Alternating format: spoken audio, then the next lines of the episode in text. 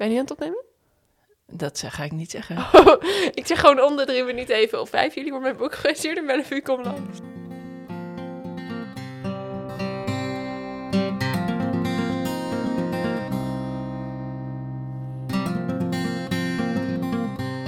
Welkom bij de podcast van Boekhandel Over het Water.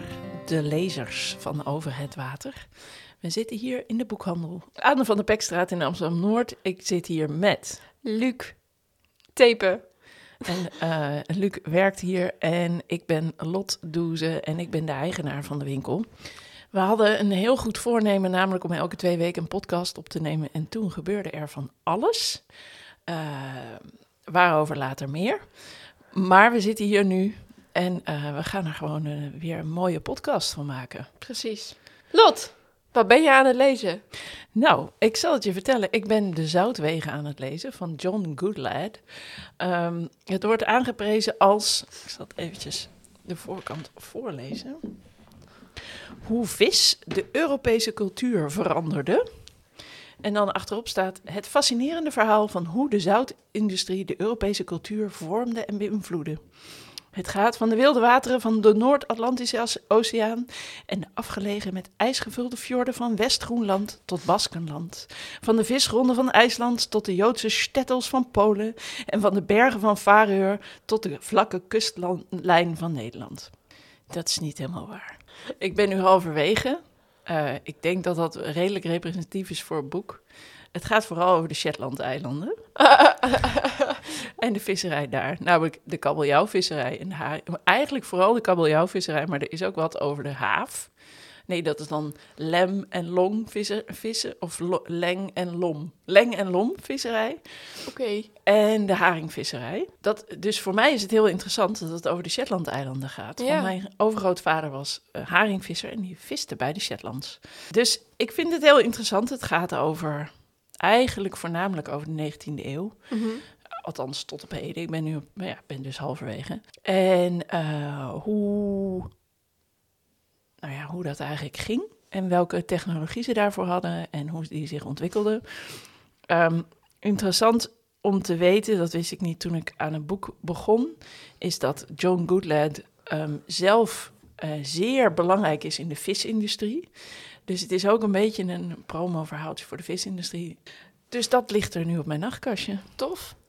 En het is een, het is een goed boek om eh, een beetje uit een reading slump te komen. Ehm, wat ons tweede onderwerp is. Dat is ons onderwerp. Ja. Dat is ons onderwerp. Ehm, omdat wij eigenlijk in een podcast slump zaten. Ja, klopt. Wanneer hebben we de laatste opgenomen? Ja, in maart. In maart, ja. Drie maanden geleden dus namen we de laatste op. Ja. En nu zitten we hier weer. Wat een, eh, een kleine eh, tipje van de sluier. Wat gebeurde er intussen? Eh, ik was drie weken lang ziek. Ja, jij was drie weken lang ziek. Ik was super druk. En we hebben afwisselend ook nog in de andere boekhandels gewerkt, waardoor we ook nooit meer samenwerkten. Dus ehm, het was een beetje een eh plangedoetje. Ja, en ik was een boek aan het schrijven, weet je, op 5 juli in Bellevue gepresenteerd wordt. Oké, ehm, we worden dus eh, sinds vandaag gesponsord door Bellevue. of door de IFTB. Allemaal. Alles, oké. Ehm, anyways. Maar toen dacht ik, het is wel leuk, want hoe kom je uit een podcast slump nou door een eh, podcast... Wat is een podcast? Wat is een slamp? Is misschien ook nog een goede vraag. Eh, een slamp is als je ergens geen zin in hebt. Of je komt er, het lukt je maar niet om het weer op te pakken. Dus bijvoorbeeld een podcast maken of een boek te lezen. Ja, en eh, wij hebben allebei regelmatig reading slumps. Ja, zeker. En toen heb ik zitten nadenken over wat doe ik eigenlijk om daaruit te komen. Dus ik dacht, hé, hey, dit is wel leuk om, eh, om eens te bespreken. Ja. Wat doe jij als je in een reading slump zit? Eh, Ik klaag er ontzettend veel over. En dan hoop ik dat dat werkt. Dat werkt niet. Dat levert me niet zoveel op. En ik lees heel graag boeken met korte hoofdstukken. En liefst ook nog eens korte boeken. Want ehm, ik ga heel erg goed op, zeg maar, prestaties, achievements. Dus het, het- de gedachte, oh jee, ik heb een boek uitgelezen. Vind ik heel erg fijn. En dan denk ik van, nou, dan kan ik er wel weer tegenaan. Ehm, of ik heb een hoofdstuk uitgelezen. Dus eh, korte boeken en korte hoofdstukken zijn mijn way to go. Ja. Wat voor boeken lees je dan bijvoorbeeld? Noem eens een boek wat je leest als je in een reading slump of in je la na, voor, ter opheffing van je laatste reading slump hebt gelezen. Nou, ik ben nu mijn reading slump aan het proberen op te heffen. Dat doe ik nu met Even Goede Vrienden van Rauna Kadari. Dat heeft hele korte hoofdstukken. Het je- het heeft een hele vlotte pen, dus schiet er heel snel doorheen. En wat voor mij ook nog een plus is, is het is een ander genre dan dat ik normaal lees. Dus het is even wat anders, want ik lees heel veel fictie. Ehm, en dit is eh, ja, non-fictie en ook een beetje autobiografisch. Oh ja, Dat dus een ook. ander gen- genre helpt ook om uit Ja, je... voor mij wel. Ja. Oké. Dan wat ik ook heb gelezen, twee weken geleden of zo, om er een beetje uit te komen, is het boek Faster van Claire Keegan. Dat is 80 pagina's. Dat heb ik in één middag uitgelezen. Fantastisch. Daarna dacht ik, yay! Ik heb een boek uitgelezen, ik kan er weer tegenaan. Het is ook echt een heel mooi boek, maar het is ook heel kort, heel fijn. Waar gaat het over? Ehm, het gaat over eh, een meisje in Ierland, ergens in het verleden, want ze hebben geen telefoons, maar ik weet niet wanneer. En eh, zij komt uit een gezin met heel erg veel kinderen en niet zoveel geld te besteden. Ehm, en heeft ze niet zo fijn. Dus ze gaat voor één zomer, ehm, mag ze eigenlijk bij een pleeggezin.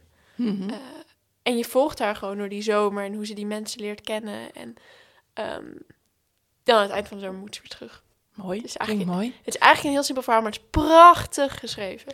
En ehm, is er niet ook een film van gemaakt? Ja, klopt. Oh, En die heet ook Foster? Nee, die heet iets heel anders, maar ik weet niet meer iets van. Oh ja, The Silent Girl of zo? Ja, Nee. zoiets. The Quiet Girl. A Quiet Girl. Nou, zoiets. Uh, Ja. ook een mooie film schijnt het te zijn. Eh, mijn oma vond het fantastisch. Maar ze vond het boek beter. Dat is waar. Dus eh, een heel dun boek, een heel ander soort boek. Ja, En heb je nog een andere... ik heb nog een andere tip. Ja? Namelijk een boek wat je al kent. Ik ga heel vaak ehm, boeken die ik heel, heel leuk vind of ja, ga ik herlezen. Als ik eigenlijk geen zin heb om te lezen, want dan weet ik al dat ik het leuk vind. Zeg maar, wat voor mij ben ik altijd als ik een nieuw boek moet beginnen, terwijl ik in een reading slump zit, dan denk ik wel eens van, oh, maar misschien is het ook wel heel stom. En, oh, en, oh, en dan zak je daar alleen maar verder in. Dus een boek wat je al kent en heel leuk vindt opnieuw lezen. Bijvoorbeeld ehm, mijn favoriete boek waar ik het altijd over heb. eh, Red, White and Royal Blue. Ik heb net mijn derde editie van het boek gekocht. Waarom koop je verschillende edities van een boek? Ze zijn heel mooi en het is een heel leuk boek. En ik wil ze allemaal hebben.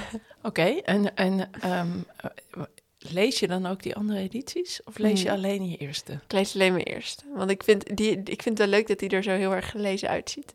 Maar dan Maar- mijn andere wil ik netjes houden. Oké, en wat is er mooi aan die andere edities? Nou, ik heb hier bijvoorbeeld, we hebben nu in de boekhandel ook een speciale editie. En die heeft, hoe heet dat, kleur op snee, Blauw, blauw.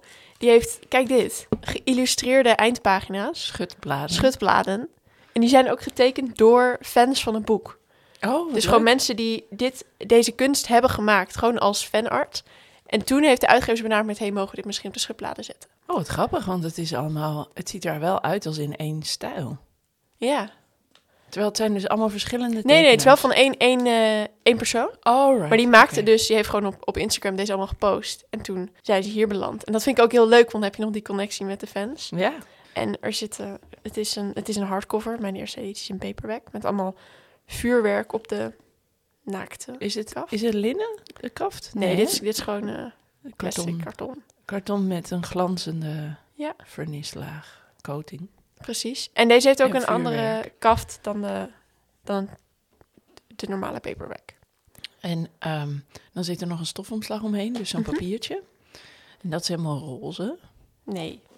Nee, het is niet helemaal roze, maar dat wat wit moet zijn is roze. Oh ja, dat is waar. Dus ik grapte al met onze collega Luta dat het nu eigenlijk Red, Pink en Royal Blue moest heten. Ja, fair enough.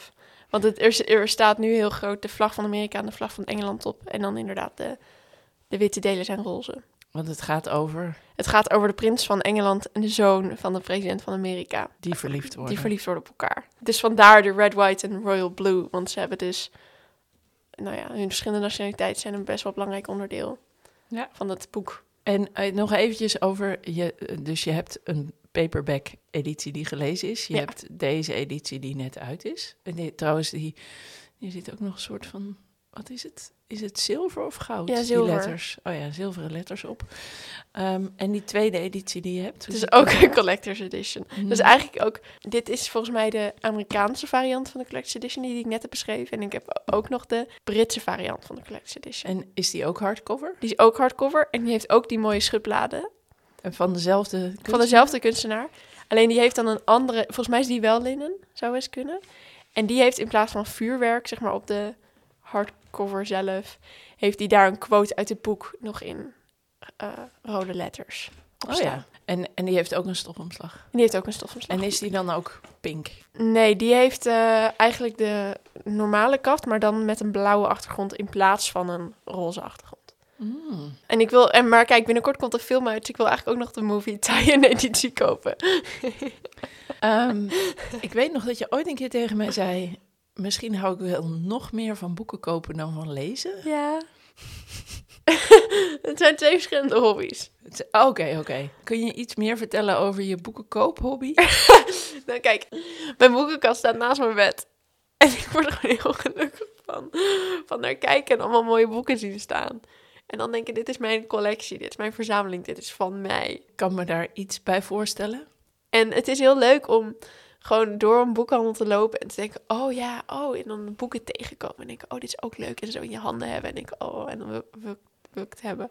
Maar, maar ik heb nog even een vraag dan over die collector's editions. Want Ja. je hebt niet alleen collector's editions van eh, Red, White en Royal Blue. Ik heb ook een normale. Nee, maar ik bedoel, je hebt ook van andere titels collector's Oh ja, editions. klopt. Maar is het dan niet saai om dan de hele tijd naar dezelfde titels te kijken? Nee, want ze zien er wel, eh, ze hebben toch allemaal een andere rug. En het is ook juist leuk om te zien van, oh, ik heb een hele verzameling. Oké, dus het is echt verzameldrang. ja, ja, ja. Oké, Ik heb nooit gezegd dat er echt een logische reden achter zat. snap ik, snap ik. Maar je hebt dus liever meerdere edities van hetzelfde boek dan meer verschillende titels. Ik heb allebei. Ik koop gewoon heel erg veel boeken. En als je moet kiezen? hangt er vanaf, hangt er vanaf. Oké, kijk, ik ga niet van elk boek meerdere edities hebben, maar van de boeken die me heel dierbaar zijn wel. En dan hebben we het dus over Red, White and Royal Blue en over Heartstopper. Ehm, zeg maar, dat zijn boeken die gewoon heel dierbaar zijn voor mij. En dan vind ik het leuk om er meerdere van te hebben. Of elke publicatie die Alice Oseman ooit heeft geschreven op mijn plank hebben. Dat vind ik leuk. Completism. Ja, Mhm. maar het hoeft niet, zeg maar, ik hoef niet van een boek wat ik een beetje mediocre vond. Of wat ik goed vond, maar niet echt dat plekje in mijn hart heeft. Daar is één editie genoeg. Je hebt niet ehm, van die boeken edities in verschillende talen. Je hebt niet het, ook het Nederlands. Nee, maar ik wil wel de Spaanse kopen. Oké, maar waarom heb je niet het Nederlands? Het is, het is een origineel Engels boek. Zeg maar, en het Nederlands, dat geeft mij geen... Dus ik, ik ken mensen die hebben ook verzam- verzamelingen dan in verschillende talen, maar dat heeft, voegt voor mij niet heel veel toe of zo. Terwijl, ik wil het dus misschien wel in het Spaans, want ik ben Spaans aan het leren. Je weet hoe erg ik hou van de Nederlandse vertaling van Harry Potter. Ja. Ehm, heb je niet het gevoel van, ik ga die Nederlandse editie lezen, want misschien zijn er daar wel hele mooie vertaalvondsten in. Want dat is waarom ik zo van de Nederlandse vertaling van Harry Potter hou, omdat er zulke mooie vertaalvondsten in zitten. Collectibus. Collectibus voor Nightbus. Ja, precies. G- Goh, goede vraag. Niet per se of zo. Hangt er vanaf. Dus ik heb Sea of Tranquility van Emily St. John Mandel. Vind ik ook een prachtig boek. Die wil ik misschien wel in het Nederlands lezen. Want ik ben daar gewoon benieuwd naar, naar hoe die vertaald is. Omdat dat is ook een boek wat voor mij heel knap zit in de, is in de taal. Alleen dit boek is voor mij heel erg het verhaal. En daarnaast, ik, ik kies een beetje de boeken uit in welke taal ik ze lees. Want ik vind Engels een veel zachtere, rondere taal. Dan vind ik dat beter passen bij romantiek. Oh ja. Terwijl dan ietsje ruigere verhalen of zo, die lees ik weer liever in het Nederlands. Het is grappig. Ik heb net ehm, een paar maanden geleden Spreken en Zijn gelezen Mhm. van Kubra Gumuzee. En die schrijft dus over hoe taal je vorm geeft. Zij spreekt drie of vier talen. Ik ben Mhm. even kwijt hoeveel precies. Maar in ieder geval, eh, haar ouders eh, komen uit Turkije. Dus die, daar heeft ze Turks van geleerd. Eh, ze, woont, ze is opgegroeid en geboren in Duitsland, dus ze spreekt Duits. En ze heeft eh, heel lang in Engeland gewoond, dus ze spreekt Engels. En haar opa citeerde Koranversen aan haar in het Arabisch. Dus ze heeft ook een, een eh, degelijke kennis van het Arabisch. Ja, En voor haar hebben al die talen een verschillende. geven eigenlijk uiting aan een verschillende, aan een andere kant van haar. Ja. Dus zij zegt bijvoorbeeld dat ze zich in het Engels het meest vrij kan uitdrukken. ja, Eh, terwijl ze ehm, volgens mij poëzie schrijft in het Duits, meen ik me te herinneren. Omdat dat de taal is die ze het, Ja. het meest heeft, heeft ja, eh, ingebed. En, en Turks is de taal waarin ze zich dan het meest, volgens mij, troostrijk kan uitdrukken. Zo, Ja. zo, zulke soort verschillen zijn het. ja. En ik vond dat heel interessant, omdat ik daarna ging nadenken dat ik in het Engels ben ik ook, praat ik anders. En Ja, laat klopt, ik een andere kant van mezelf zien dan in het Nederlands. Ja, ik heb ook heel lang liever in het Engels over mijn gevoelens gepraat, want het voelde verder van mij af. Oh ja, terwijl ik juist het gevoel had dat als ik in het Engels over mijn gevoelens praatte, ik betere woorden had of zo. Oh ja, dat heb ik ook wel eens. Terwijl ik schrijf, ik, ik schrijf en lees poëzie alleen, eigenlijk alleen maar in het Nederlands. Voor mij hebben talen ook gewoon een ander nut of zo. Dus ik vind Engels is veel meer ook met... Ze hebben heel veel, zeg maar, Nederlands natuurlijk direct, maar ook in de, niet alleen in ons gedrag, maar ook in de taal, vind ik. Veel minder opfluffwoordjes in je zinnen dan in het Engels. Ja, maar dus ik vind Engels is daardoor veel meer zachter, ronder. Maar noem eens een opflufwoordje in het Engels dan. Bedoel je zoiets als like? Ja, Oh. Maar ook- ik heb gevoeld dat je in het Engels veel, veel meer, zeg maar, gewoon je woorden je- of je zinnen onnodeloos uittrekt of zo. onnodeloos. Onnodig. Onnodig uittrekt. Wacht even, ik, dit snap ik helemaal niet. Onnodig uittrekt. Ja, ze voelen zo lang. Dus Welke, in het Engels of in het in Nederlands? het Engels. Oké. En dat vind je heel prettig. Mm, Het is wat anders. En daardoor vind ik het beter passen bij romantiek en niet passen bij poëzie. Ja, interessante opvatting. Zeg maar, als je een, maar dus bijvoorbeeld, wanneer je dan juist wel een liefdesgedicht leest in het Nederlands, dan voelt dat voor mij direct harder en directer. Maar vind ik het daardoor eigenlijk ook wel weer heel, heel mooi. Dan liefdesverhaal in het Nederlands, dat denk ik, het, eh, het past niet, het loopt niet. Het- ik, ik vind dat Engels vind ik er veel beter bij passen. Ik bedoel, bijvoorbeeld als je de gedichten van Joost Omen leest, dat zou je nooit in het Engels kunnen vertalen. Ja, maar dat heeft... mm, ik denk het wel overigens. Want je kan natuurlijk alles vertalen. Ja, als je maar goed genoeg vertaler bent. Ik ben het namelijk, denk ik wel voor een deel met je eens dat... eh, ik denk dat Nederlandse liefdespoëzie en Engelse liefdespoëzie een heel andere toon hebben. ja. Ehm, ik moet denken aan dat gedicht van Hans Andreas, wat ik even niet op kan hoesten. Vertel aan de bomen hoeveel ik van je hou. Wat ik echt een van de mooiste liefdesgedichten vind. Omdat hij niet alleen over de liefde gaat, maar ook over mens zijn. Zo, ik weet niet of het zo subtiel, eh, zeg maar, may I compare thee to a summer's day, is toch een heel ander soort register of zo. ja. En ergens voelt het in het Engels ook vaak wat groter of zo. Wat bombastischer misschien. Wacht, ik ga, ik ga, ik ga Joost Omen erbij pakken. Als er nou zo'n klant komt, dan onderbreken we even het... Oh, we moeten eventjes op pauze. Hallo.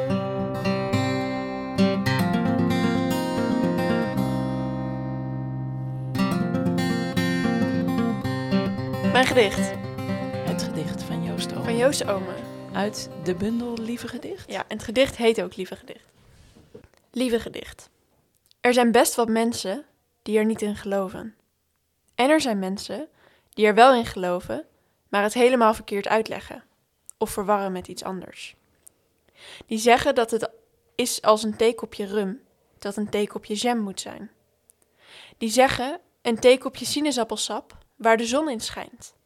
Terwijl, juist het terwijl het juist het oranje sap zelf was dat de zon deed schijnen. En het theekopje vertrok als een zucht door de lucht. Zo raakt alles in de war. Een zwaan landt aan de verkeerde kant van de waterspiegel. Je gooit een stok en de hond komt. Terug met een baar goud in zijn bek. Je sok is nat, het hindert niet. Je vindt haar mooier dan de maan. Ze heeft krullen als kringen in water als er eendenkuikens voor het eerst zwemmen gaan. Mooi. Dat doet me denken aan. Oh, tell me the truth about love van W.H. Auden. Some say love's a little boy, and some say it's a bird. Some say it makes the world go round, and some say that's absurd. And when I asked the man next door, who looked as if he knew, his wife got very cross indeed and said it wouldn't do. Does it look like a pair of pajamas or the ham in a temperance hotel? Does it its odor remind one of llamas or has it a comforting smell? Is it prickly to touch as a hedge is, or soft as eiderdown fluff? Is it sharp or quite smooth at the edges? Oh, tell me the truth about love. Our history books refer to it in cryptic little notes. It's quite a common topic on the transatlantic boats. I found the subject mentioned in accounts of suicides, and even seen it scribbled on the backs of railway guides. Does it howl like a hungry Alsatian or boom like a military band? Could one give a first rate imitation or an, on a saw or a Steinway grand? Is it singing at parties a riot? Does it only like classical stuff? Will it stop when one wants to be quiet? Oh, tell me the truth about love. I looked inside the summer house, it wasn't ever there. I tried the Thames at Maidenhead and Brighton's bracing air. I don't know what the blackbird sang or what the tulip said, but it wasn't in the chicken run or underneath the bed. Can it pull extraordinary faces? Is it usually sick on a swing? Does it spend all its times all its time at the races or fiddling with pieces of string? Has it views of its own about money? Does it think patriotism enough? Are its stories vulgar but funny? Oh, tell me the truth about love. When it comes, will it come without warning, just as I'm picking my nose? Will it knock on my door in the morning, or tread in the buzz on my toes? Will it come like a change in the weather? Will its greeting be courteous or rough? Will it alter my life altogether? Oh, tell me the truth about love. Ik moest eraan denken, omdat Ja. het precies de toon, het verschil in toon zet. Hè? Ja, zeker. En het mooi, zo mooi is aan dat, aan dat eh, gedicht van Joost Omen... dat hij volgens mij hier aan refereert... en aan dat Shakespeare-sonnet... Ja, eh, Shall I compare thee to a summer's day? En dan er net zo zijn eigen... ja. En het, het, het is ook veel ingetogener of zo. Ja, het is heel ingetogen, ja. Ja. In, eh, in al zijn absurdisme. Ja, Ja, grappig, grappig. Ehm, maar ik dacht ook nog dus aan een ander gedicht. Voor een dag van morgen. Wanneer ik morgen doodga, vertel dan aan de bomen hoeveel ik van je hield. Vertel het aan de wind die in de bomen klimt of uit de takken valt, hoeveel ik van je hield. Vertel het aan een kind dat jong genoeg is om het te begrijpen. Vertel het aan een dier, misschien alleen door het aan te kijken. Vertel het aan de huizen van steen, vertel het aan de stad hoe lief ik je had. Maar zeg het aan geen mens. Ze zouden je niet geloven. Ze zouden niet willen geloven dat alleen maar een man, alleen maar een vrouw, dat een mens een mens zo lief had als ik jou. mooi. Overigens leidt natuurlijk het praten over boeken, maar ik denk nog meer over zeg maar, het plezier van lezen, ook tot Ja. lezen, denk ik. Ja, zeker. Dus ik heb ook, wat ik ook nog doe als ik niet kan lezen, laast, naast de keuze in boek. Ik heb nog één specifieke genre wat ik ook dan lees, maar daar kom ik zo wel op. Is ik zet vaak een video op van iemand die leest. En dan voel ik me gemotiveerd, want diegene is aan het lezen en zijn samen aan het lezen. Dus als, is echt een tip, als je op YouTube gaat en je typt in Read With Me. Allemaal mensen die gewoon zichzelf filmen lezen, fantastisch. Of ik ga eh, recensies lezen van boeken. Of ik kijk Boekentips zoeken. boekentips zoeken of gewoon, eh, weet je, vlogs kijken van mensen die bezig zijn met boeken of iets dergelijks. Gewoon bezig zijn met boeken, dan wil je alweer lezen. Dit is, eh, in, er stond laatst een artikel in NRC precies hierover. Zien, lezen, doet lezen. Ja, precies. Ja. Ja, klopt. Zou ik dan eh, mijn laatste categorie bespreken? Ja, Mijn laatste categorie is dat ik graag een detective of een thriller lees. Wanneer ik in een reading slump zit. Want die zijn vaak wat sneller in tempo. Dus er gebeuren sneller, sneller dingen. En ze zijn wat spannender. Ehm, en dan wil je het niet meer neerleggen. Dus dat vind ik ook heel fijn om gewoon even zo waa, weer helemaal in een boek gegrepen te worden. Dus dan grijp je veel makkelijker vast dan een eh, literatuur. ingewikkeld onderscheid, hè? Ja. Mhm. Ehm, dus ik heb hier nu A Good Girl's Guide to Murder, die dat ook heel erg voor mij heeft gedaan om mij. Die heet Uit eh, van Holly Jackson, is die? Ja. Ik heb hetzelfde, al doe ik, doe ik een combinatie van wat jij eh, doet. Dus, Vertel. eh, nou, jij je, je had dus ehm, herlezen en het lezen van een thriller. Ik heb, ik heb een, naast mijn bed mijn hele Maigret-collectie staat. Maigret van Simenon, allemaal bij elkaar ge- verzameld op eh, eh, marktjes en uit boekenkastjes en zo. En uit de collectie van mijn ouders, bijna compleet. Ehm, en ik ga dus of bijvoorbeeld Maigret lezen of eh Agatha Christie. Want dat, dat heb ik allemaal al gelezen, dus het is allemaal herlezen. Ik weet, waar ik, ik weet waar ik aan toe ben, ik weet wat ik krijg. En het is ook een beetje plot-driven. Ja. Maar dan, ehm, ik merk dat als ik in een reading slump zit en ik lees een thriller die bloederig is bijvoorbeeld, of die heel spannend, die zeg maar spanning inzet als plot device en niet als een soort ehm, vanuit de karakters of de situatie ontstaande spanning, dan, eh, dan haak ik af. Ja. Dus ik ben wel, ik ben dan juist eigenlijk meer in de, eh, de psychologische thriller of de wat meer de, de cozy mysteries, zoals dat tegenwoordig heet. Of zoals dat eigenlijk al heel lang heet, maar in de Detective VN en Thriller Gids stond. Ja, dat heet eh, sinds kort eh, Cozy Mysteries. En toen dacht ik, hoezo sinds kort? Die, die term is er echt al zeker 15 jaar volgens mij. maar diegene had er nog nooit van gehoord. Het zegt misschien meer over diegene dan over de term. Maar dat is wat ik dus ook graag doe, om, eh, om te herlezen. En als kind ehm, herlas ik dus heel veel boeken heel vaak. In augustus komt een van mijn favoriete boeken die ik altijd herlas als ik in een reading slump zat. Die, komt, die wordt opnieuw uitgegeven. Die heet eh, Detective Bureau De Helpende Hand van Karel Eijkman. Een Aha. van de meest ondergewaardeerde, tegenwoordig Oh. ondergewaardeerde Nederlandse kinderboekenschrijvers, vind ik. Die heb ik gelezen. Mhm. Wat ik heel leuk vind aan zijn kinderboeken, wat ik als kind dus ook heel erg waardeerde, is dat het altijd hele zelfstandige kinderen zijn.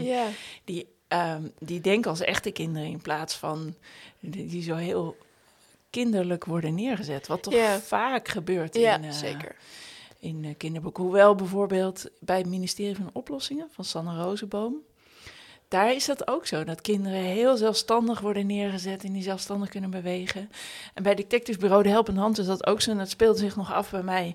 Ik kon dingen in de buurt herkennen, dus dat Oh, is extra leuk. leuk. Het gaat over een meisje en haar tante, en die, een soort oud-tante. En die tante was heel erg stoer. En ze beginnen dan samen een detective bureau om, dus, om de zomervakantie een beetje leuk door te brengen. En dan hebben ze allemaal die hele schattige zaken die ze moeten oplossen. En die tante die, die, eh, die is altijd zo, "Nou, nou, nou dat gaan we wel even doen, zo. Oh, en zij drinkt ook de hele tijd, dat meisje drinkt de hele tijd 7-Up, toch? Want ik weet nog, ik Oh, niet wist wat wel 7-Up kunnen, ja. was. En toen ging ik dat lezen en toen wilde ik ineens 7-Up drinken. En die moeder, de- nee, ik bedoel, die tante die drinkt volgens mij crème de cassis.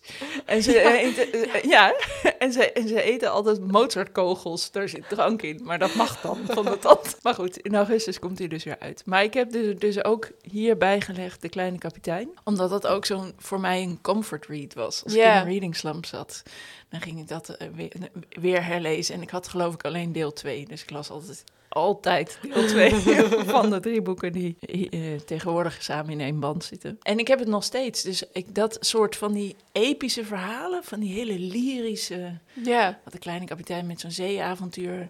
Dat heb ik nog steeds. Ik begin er ook heel vaak opnieuw in de ban van de ring. Als ik eh, in een reading slump zit. En dan lees ik het natuurlijk niet uit. Want het is iets van, wat is het, 1200 bladzijden of zo. Maar dan, of ik begin dan op een stuk waarvan ik denk... Oh ja, dat is zo'n fijn stuk. Ja. En dat je dan weer het plezier van... Eigenlijk is het ook het weer herontdekken van het plezier van letters Ja. tot je nemen. En hoeveel rust dat in je hoofd brengt. Zodat het zo heel... Soms heb ik het gevoel dat er echt achter mijn voorhoofd iets gebeurt als ik aan het lezen ben of zo. Dat het zo... Dat er ontspanning komt of, of, of iets wegvloeit of zo. Ja. En dat, en dat ben ik dan vergeten dat dat zo werkt. En als ik dan zo nou, iets be- bekends oppak, dan, dan vloeit dat zo lekker weg. Ja. Oh ja, en ik kan dan dus ook ineens denken: weet je wat, ik ga iets wat ik jaren geleden heel goed vond opnieuw lezen om te kijken. Om die herinnering die ik aan dat lezen heb eh, op te roepen. En ik heb dus een paar jaar geleden The Blazing World van Siri Hoestvedt opnieuw gelezen. Siri Hoestvedt is een van mijn all-time favoriete auteurs. En The Blazing World is in mijn optiek een van de beste boeken die er misschien wel ooit zijn geschreven. In een bepaald genre waar ik heel erg van hou. Ik hou heel erg van boeken met fragmenten. Dus Als in dit geval gaat het over een kunstenares die is overleden. En er is een kunsthistoricus die wil graag uh, haar werk weer onder de aandacht brengen. En die doet dat door, en die, begint dus met een voorwoord van, nou, ik heb dus een bundel samengesteld, een, een soort, om een soort heel um, meervoudig beeld van haar te creëren. En dat zijn dan uh, recensies van haar werk, van haar kunstwerken. Um, interviews met haar, uh, dagboekfragmenten van haar. Um, het is volgens mij een soort geschreven memoir van haar levenspartner over haar. En uh, interviews met kunstenaars die met haar samen hebben gewerkt. Maar het is wel fictief, toch? Het is dus helemaal fictief. Het is een beetje net als Daisy, Jones. in The Six. Daarom, ik hou heel erg van dat soort ook, ik ook. levens door verschillende ogen, waardoor je een, een heel meerkantig beeld... En dit is dus heel interessant, want het zijn dus in feite ook verschillende, zogenaamd verschillende auteurs. Dus yeah. de stijl is ook in elk stuk anders. Oh, en wat eruit ontstaat, is het beeld van een kunstenaar die haar hele leven op zoek is naar de vanzelfsprekende erkenning die mannelijke kunstenaars krijgen. En de vanzelfsprekende ruimte die zij voelen om hun kunst te maken. En de vanzelfsprekende machtspositie die zij hebben. En dus dat hele, wat nu eigenlijk heel erg populair is, om, om, daarover na te denken en daarover te hebben, zit hier helemaal impliciet in. En toen ik het dus voor de eerste keer las, toen was ik heel erg gegrepen door, dat, door al die verhalen en al die stukken en, al die, en die hele constructie. En uh, wat Hoestvet heel goed kan, is um, fictieve kunst beschrijven. Dus zij beschrijft dan die kunst van die vrouw en dat ik dan alleen maar denk, ik wil dit zien, ik wil dit zien, ik wil dit zien. Uh, zij heet trouwens, die vrouw noemt zichzelf Harry. Uh, maar is geboren met de naam Harriet. Maar en dus de tweede keer dat ik het las, dat is dus nog niet zo lang geleden, toen las ik die hele huidige discussie daarin. Ja. En uh, dacht ik, wat ontzettend knap om dat zo niet in your face in een boek te zetten. Ja. Dat vond ik echt, dat vind ik echt heel knap, ja. Ook een beetje Seven Husbands of Evelyn Hugo achter. Nee. Nee? Nee. Nee. Nee. Maar daar zitten ook krantenartikels ook tussen. Ja, maar dat, daar doet het me. Dus het, dus het is een vorm die heel, um, die heel kwetsbaar is. Want ja. bij The Seven Husbands of Evelyn Hugo doet het me ge, geforceerd aan. Uh, oh. Ondanks alles wat ik, er, wat ik goed vind aan dat boek, doet dat me geforceerd aan. En hier is het gewoon, klopt, het, klopt de reden waarom het erin zit. Tof. Um, net als bijvoorbeeld bij The Appeal van uh, Janice oh, ja. Hallett. Ja. Uh, wat dan weer zo'n cozy mystery is. Nou, het is niet heel cozy hoor. Jawel, jawel. Nee, cozy zegt iets over hoe bloederig het is, bijvoorbeeld. En hoe erg de verschillende karakters uh, worden voor het voetlicht gesteld. Veel meer dan uh, dat, je, dat het draait om de speurder die op zoek is naar. Dus het is, het is een, het is een genreomschrijving, niet een omschrijving van hoe creepy het wordt. Want een cozy mystery kan best creepy worden. Oké, ik vind het ook eigenlijk wel redelijk bloederig hoor, maar oké. Ja? Oh, nou ja, goed. We doen een keer een andere podcast over... eh, Over trailers. o- over thriller of over spannende boeken. Maar wat wel echt ook... Die is trouwens ook misschien wel bloederig. Dus De Moordclub op Donder- Donderdag van Richard Osman. Mhm. is ook een cozy mystery en die heeft me dus ook een keer uit een reading slump gehaald. Ik geloof dat een van de onderdelen daarvan is, is dat ik zo kan genieten van als een karakter of meerdere karakters zo heel eh, onnadrukkelijk goed zijn uitgediept. Dus Ja. tegenwoordig is er zo'n ehm, zo'n trend om eh, karakters heel veel backstory te geven. Daar Ja. heel erg in, in de, dat Mhm. te denken dat je iemand kan, eh, dat je een karakter diepgang geeft door maar alle backstory te geven. Ja. Dat vind ik niet zo interessant. Ik vind het veel interessanter als je eh, een karakter diepgang geeft door hem te laten handelen in het nu. Ja, precies. En je dan te laten afvragen, goh, hoe zou het nou komen dat iemand eh, hiervoor kiest of dit doet? Of... En dat je dan je eigen invulling daaraan kan geven. Dat doet Osman heel goed in de, de. Moordclub op donderdag. En dan, als je dan, als je dan dat eerste boek hebt gelezen... Ja, goede vraag. Hey, wat bij mij weer zo is, is als mijn reading slump heel diep is... dan moet ik soms wel drie opstartboeken lezen Ja, voordat heb ik ook wel eens. En dan kan ik echt wel op een gegeven moment denken: oh, wat fijn dat ik nu eens gewoon iets nieuws of iets heel literairs of Ja. iets. En, en ik kan er ook makkelijker in terugvallen. Als ik net twee boeken uit een reading stand ben en ik lees dan een heel slecht, traag boek, dan val ik er keihard weer in terug. Versus als ik dat vijf of zes boeken later. Dus ik, Ah. had- ik, had dat nu met Theo Bokkie. Dat Oh ja. Echt. Ik, was, ik zat in een reading slump. Toen ging ik het boek I Want to Die, but I Want to Eat Theo Bokkie lezen. Wat volgens de eh, vertegenwoordiger van de Nederlandse uitgever Tokbokkie heet. Oh, Tokbokkie. Ja, ik heb geen idee. Ik, ik lees het fonetisch voor. Dus Tokbokkie. En ik kwam er alleen maar verder en verder en verder in mijn reading slump. Ik denk dat het een best wel een goed boek is als je de echte doelgroep bent. Want waarom kom je eigenlijk in een reading slump? Is dat altijd als je een slecht boek leest? Of een Nou, boek dat niet bij je past? Het, het kan ook zijn omdat je het, zeg maar, ik zat al in een reading slump voor Tokbokkie. Ik had het ook heel druk, dus ik las wat minder. En ik heb ook, zeg maar, hoe meer je leest, hoe meer zin je hebt in lezen. Hoe minder je leest, hoe minder zin je hebt in lezen. Maar bij mij is het ook wel... Als ik iets moet lezen, dan kan ik ook echt in een reading Ja. slump komen. Ja. Als ik, als ik bijvoorbeeld een, eh, het verkeerde boek voor de leesclub heb gekozen en denk, oh nee, ik vind het eigenlijk helemaal niet goed. Dan, dat kan echt desastreus uitpakken. Ja. Je beste tip voor eh, mensen die nu in een reading slump zitten. Dus vaster. En dan denk ik even goede vrienden ook. Want die is mij nu uit mijn reading slump aan het helpen. En, dat, en dat, we, hebben helemaal niet over gehad waar het over gaat. Het is een zoektocht naar hoe vriendschap niet werkt. Ik vind dat het zichzelf iets meer voordoet als echt theoretische non-fictie, zeg maar. Maar het is ja, eigenlijk zo ziet het er ook een beetje uit. Hè? Ja, maar het is wel eigenlijk heel erg autobiografisch. Dus ik Mhm. vind dat een beetje verkeerd gemarket. Ehm, maar het is een soort samenvlechting van theoretische stof over hoe vriendschappen werken.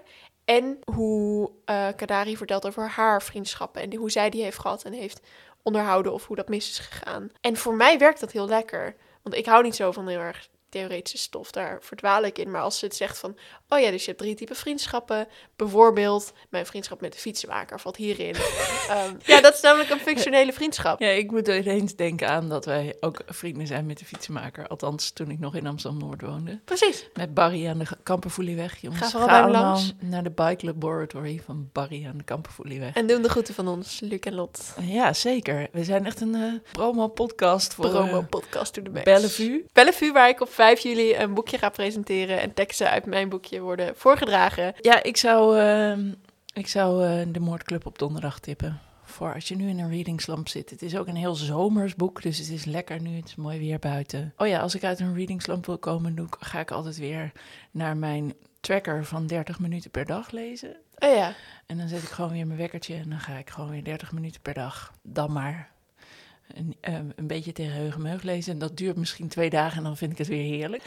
Eh, dus dat is mijn tip. En dan ook een lekker leesplekje. Dus dan denken, oh, nu ga ik lekker in mijn stoel met een kopje thee. Of nu ga ik Ja. lekker in het zonnetje. Ja, ik maak er ook vaak dan even een event van. Dus Of dan ga ik naar een café en dan bestel ik een zo'n dure, maar echt lekkere koffie of thee. En dan ga ik daar zitten en dan zoek ik een stoel met een mooi uitzicht. En dan ga ik daar lezen. Ja, precies. En dan eh, gaan we over naar eh, proeven uit een kookboek. Ja, ik heb echt honger.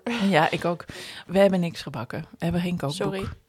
Ehm, want we hebben het een beetje, we hebben het een beetje druk. Waarmee hebben we het al zo druk, Lot? In september dit jaar, in september 2023, voor als je dit over tien jaar hoort.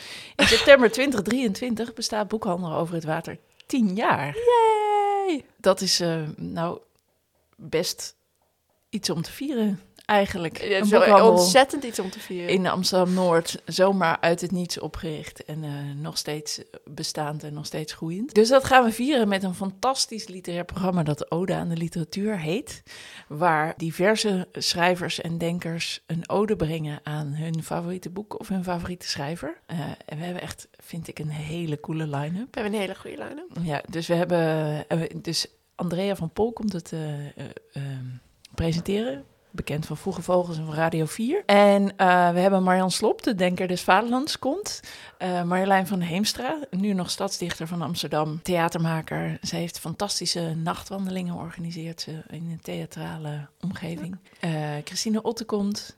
Ilse Josefa Lazoms, wel bekend van de podcast. En anderen. Daar ben ik heel druk mee bezig om dat te organiseren. Het is op 21 september in het Zonnehuis. En je kan nu kaartjes kopen. Oh ja, en het, daarna gaan we dansen. Daar We gaan dansen. dansen. Daarom dacht ik, ik ga niet iets bakken, maar ik ga iets kopen. En ik heb eh, kaneelbroodjes gekocht. En dat heeft een reden. Namelijk, eh, we hebben een bakker op het Van de Pekplein. Die heet eh, Bakkerij Dolzon. En daar hebben ze de lekkerste kaneelbroodjes van in ieder geval Amsterdam-Noord. Eh, dat hebben mijn collega Ebi en ik uh, proefondervindelijk uitgevonden. We hebben een uh, kaneelbroodjesproeverij gedaan. Deze haal ik altijd als ik een boekenspreekuur doe met mensen. Dus dan praat ik een uur over hun leesvoorkeuren, afkeuren en leesgedrag. En leesplezier. En dan daarna maak ik een lijst van ongeveer 15 tot 20 titels die, die ik dan aanraad. Daar e-, eten we altijd een kaneelbroodje, als, als Dolson ze nog heeft. Want soms zijn ze gewoon op, want hij is een kleine bakker. Wat vind je ervan, Luc? Ik vind het heel lekker. Ja? Ja. Vertel daar eens wat over. Hoe ziet het eruit? Mm, nou, het, is rond en het, um, ja, het ziet eruit als een kaneelbroodje, maar heel, zo heel lekker knapperig. En de, de kaneel is ook zo echt zo, zeg maar niet zo heel zuinig. Weet je wel, bij de Albert Heijn meestal zit er überhaupt wel iets in. Maar dit is echt zo lekker en het is heel knapperig en heel... Het is ook niet te zoet. Ja, ze hebben ook nog met icing. Die zijn wat zoeter. Ja. Dus deze vind, ik zelf ook iets lekkerder, ja. Nou, dus ehm, haal je kaneelbroodjes bij Dolzon in Amsterdam-Noord. Koop je kaartjes voor Ode aan de Literatuur op 21 september 2023 in het Zonnehuis. Het is s'avonds om 8 uur. Abonneer je op deze podcast, want dan... Uh, vind je ook vanzelf een nieuwe aflevering als we weer eens een podcast-slamp hebben. en uh, geef vooral veel sterren, zodat andere mensen de podcast ook vinden. Uh, zoals je zult zien, hebben we een nieuwe, een nieuwe vormgeving voor de podcast Plaatje. En dat is van Lisanne Hakkers hele mooie vormgeving. Die heeft ons een hele nieuwe huisstijl gedaan. Wat wil jij zeggen? Dat je op 5 juli naar het Theater Willevue moet komen. Voor de presentatie van een boekje met teksten van onder andere Luc Tepen. Ja. Dan zijn we rond, hè? Dan zijn we rond. En jij had een plan voor een nieuwe podcast. Oh ja, uh, ik dacht het is juni en dat is International Pride Month.